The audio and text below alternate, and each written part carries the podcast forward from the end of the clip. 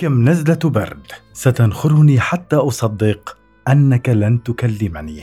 رسالة إلى صديقي. للكاتب عبد الرزاق بكبة. توطئة. لم يخلو المشهد الثقافي الجزائري في مراحله المختلفة من عرابين كانوا مهتمين بأن يضيئوا لا أن يضاءوا.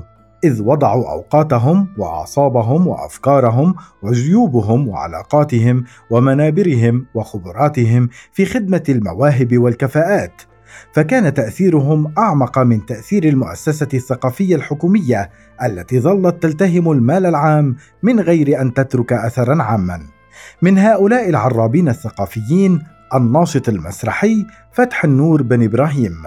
الذي كبر في خدمة المسرح والمسرحيين في مدينة مستغانم التي شهدت إطلاق أقدم مهرجان إفريقي لمسرح الهواة عام 1967 ثم غادرها إلى الجزائر العاصمة مع بداية انحسار موجة العنف والإرهاب مطلع القرن الواحد والعشرين.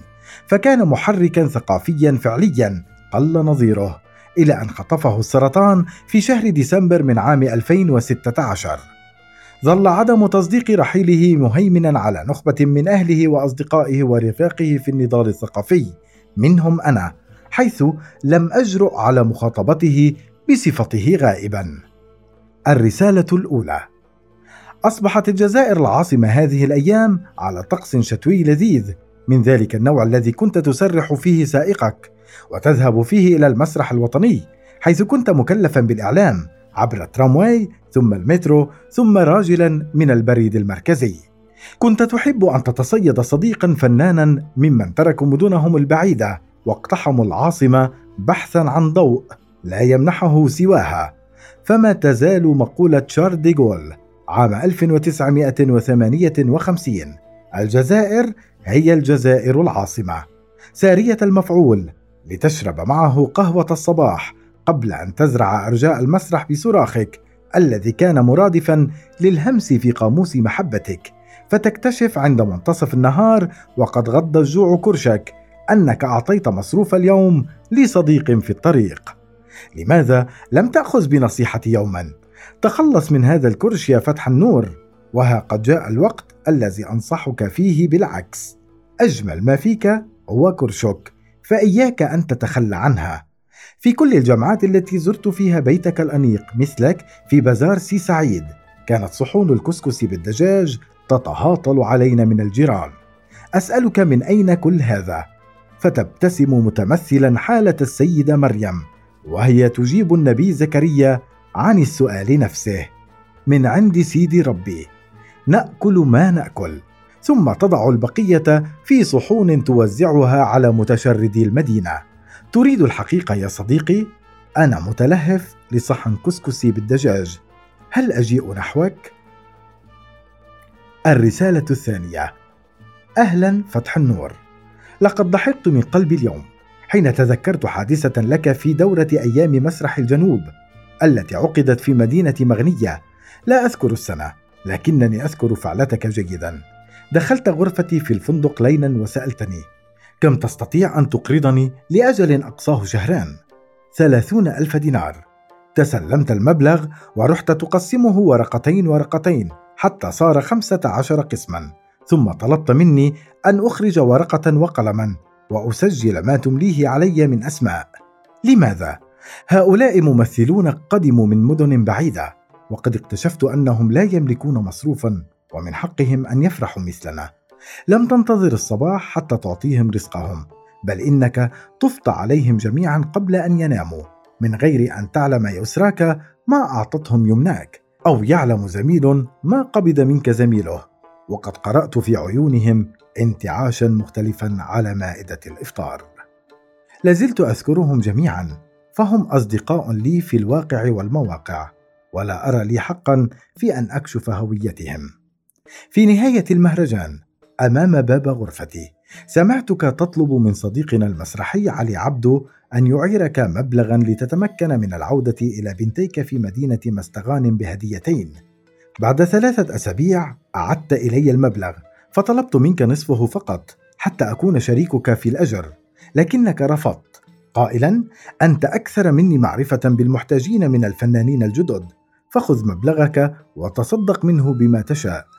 اسمع أنا قادم لنذهب معا إلى تلمسان الرسالة الثالثة مساء الخير عزيزي فتح النور. أعلم أنك من العاملين بالمثل الشعبي القائل دير الخير وانساه لذلك سأذكرك بحادثة كنت شاهدا عليها وشريكا فيها.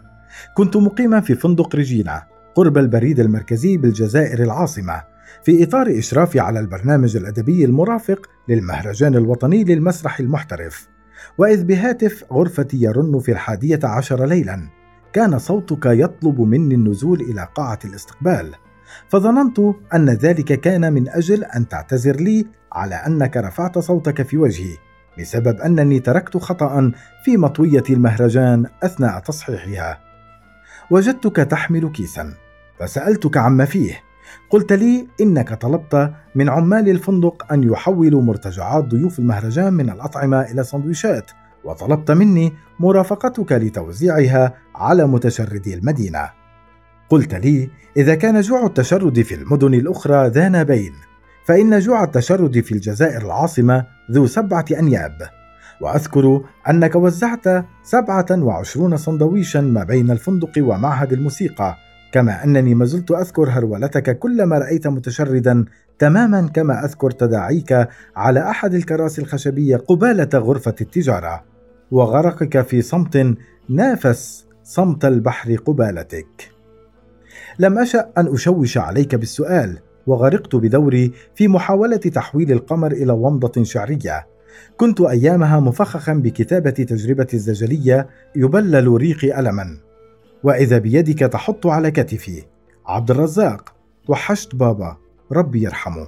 كان شوقي إلى أبي المرحوم قد بلغ اوجه وكنت أنسى ذلك بقرب منك لأنك كنت تناضل دوما من أجل أن تكون مكانه في المفرحة والمحزنة. ومن غير أن ندري تهوينا على المقعدين وغرقنا في النشيج. ونحن عائدان إلى الفندق. كانت أدعية المتشردين تنهال علينا بردا وسلاما. أذكر منها دعاء امرأة كانت تضم صغيرها. ربي يديك وانت مستور ويخلي بيتك معمور. كانت آمين التي قلتها تفاعلا مع الدعاء عميقة جدا. دلت على أنك ترغب في هذا المصير فعلا. الرسالة الرابعة. أنعمت حياة فتح النور. ضحكت اليوم عميقا في الوقت نفسه الذي بكت فيه أم علياء. حيث تذكرنا حادثة كنت سببا فيها. هل تذكر تلك الأيام الصعبة التي سبقت مرضك؟ فاعتزلت فيها الجميع في بيتك. كنت تكلمني في منتصف الليل على مدار أسابيع فأحمل نفسي وهاتفي إلى الشرفة لنخلو للحديث. فقد أدركت أنك كنت بحاجة إلى ذلك. بالمناسبة سامحني على المرات التي لم أكن أرد عليك فيها. لا أذكر الأسباب الآن. أغلب الظن أنها كانت تتعلق بتنويمي لإحدى البنات وقد تعلمت منها أن أقهر جميع الأسباب التي تحول بيني وبين الرد على صديق عزيز. ذات مرة خرجت إلى الشرفه لأحدثك فإذا بعطسة مفاجئة تفضح أم علياء كانت تسمع ما كنا نقول خلف الباب ليس من باب التجسس. بل من باب أنها سمعتك تقول إنك تعد لأن تزوج صديقة إعلامية بصديق إعلامي مثل ما فعلت مع زيجات سابقة مندهشة من كونك تفعل هذا أيضا. في تلك المكالمات تحدثت لي عن كل من أذاك أو تخلى عنك أو استبدل صداقتك بصداقة أحد مبغضيك وقد قادني فضولي الانساني إلى أن أسألك عنهم جميعا ليلة بتنا معا في فندق التورينج. بعد أن استضفتك في فضاء صدى الأقلام وكان ذلك آخر ظهور إعلامي لك فوجدتك قد سامحتهم جميعا بل إنك مسحت الذنب فيك. يا عبد الرزاق خويا حتى أنا كلب كبير لقد اشتقت إلى تلك المكالمات فخرجت البارحه إلى الشرفة لعلك تفعلها وتكلمني. لكنني لم اجني في النهاية إلا نزلة برد نخرت نفسي ونصي. ياه ترى كم من نزلة برد أخرى ستنخرني. حتى أصدق أنك لن تكلمني. ابدا يا باباتي.